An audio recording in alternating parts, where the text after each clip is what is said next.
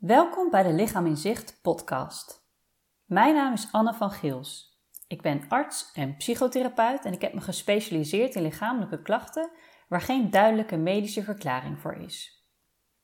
Via Instagram, mijn blog en deze podcast deel ik met alle liefde mijn kennis en ervaring over dit onderwerp. Want voor een probleem dat ontzettend veel voorkomt, wordt er maar bar weinig aandacht aan besteed. In deze aflevering ga ik in op de vraag: hoe ga je ermee om als je iets niet meer kunt dat belangrijk voor je is? Als je last hebt van chronische lichamelijke klachten, zijn er waarschijnlijk dingen die je niet meer kunt doen. Dingen die voor anderen heel vanzelfsprekend zijn, zijn voor jou een enorme opgave geworden. Denk bijvoorbeeld aan sporten of het huishouden, werken of zorgen voor je kinderen. En dat is natuurlijk super frustrerend. In deze korte aflevering wil ik je meenemen in een manier om hier anders tegenaan te kijken. En ik kwam daar eigenlijk op door het interview dat ik laatst had met Wieteke. Dat kun je trouwens terugluisteren in eh, aflevering 2 van de podcast. Wieteke vertelde dat ze, voordat ze klachten kreeg, soms tot wel 8 uur per week sporten. Ze deed aan wielrennen, hardlopen en ze hield van skiën. Nadat ze een burn-out had gekregen, hield ze last van pijnklachten en vermoeidheid en kreeg ze uiteindelijk de diagnose fibromyalgie.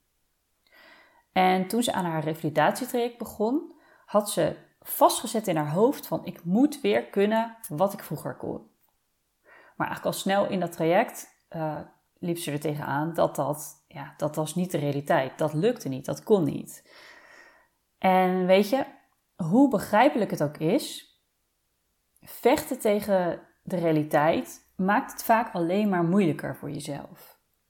Je verzetten tegen je klachten en tegen je beperkingen zorgt er vaak alleen maar voor dat je gefrustreerd raakt, dat je extra verdriet hebt en misschien zelfs al dat je meer pijn hebt omdat je jezelf continu overbelast. Dus het eerste wat je jezelf in zo'n geval kunt afvragen is: is dit echt belangrijk voor me?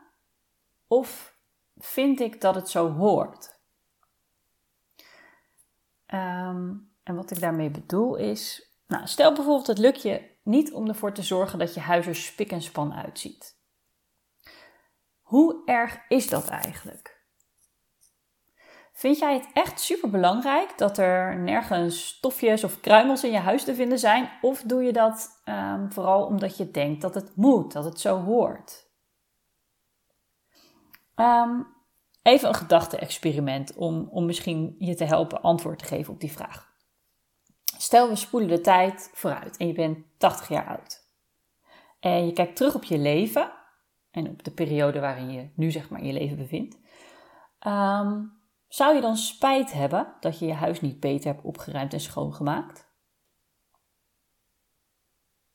Zou dat hetgeen zijn wat voor jou er echt toe deed?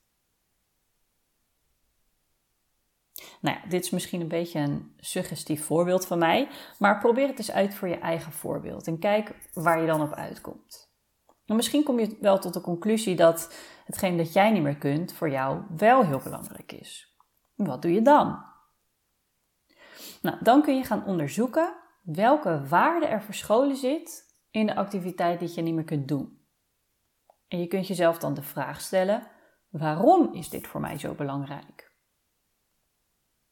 Dus om even terug te komen op het voorbeeld van sporten.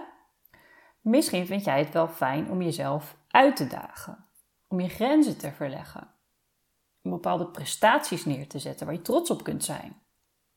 Nou, een waarde die daar dan bij kan horen is prestatiegerichtheid. Maar misschien ehm, is het wel anders voor jou. Misschien weet jij dat bewegen goed is voor je lichaam en vind je het belangrijk om je conditie op peil te houden. En dan is bijvoorbeeld zelfzorg een waarde die daarbij past. Een waarde is dus iets wat voor jou echt van belang is.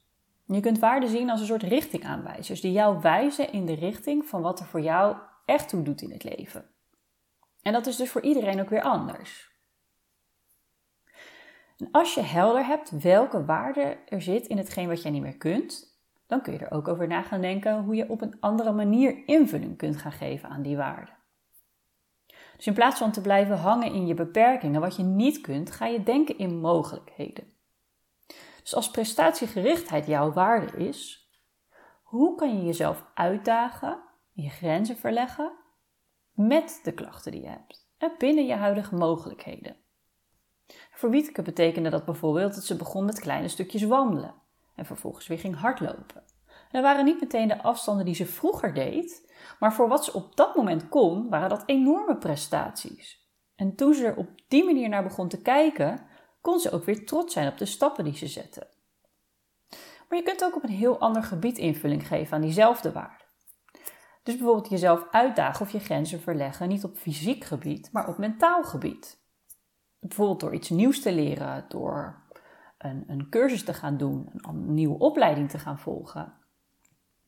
Dus het vergt wel wat creativiteit om op die manier ernaar te gaan kijken.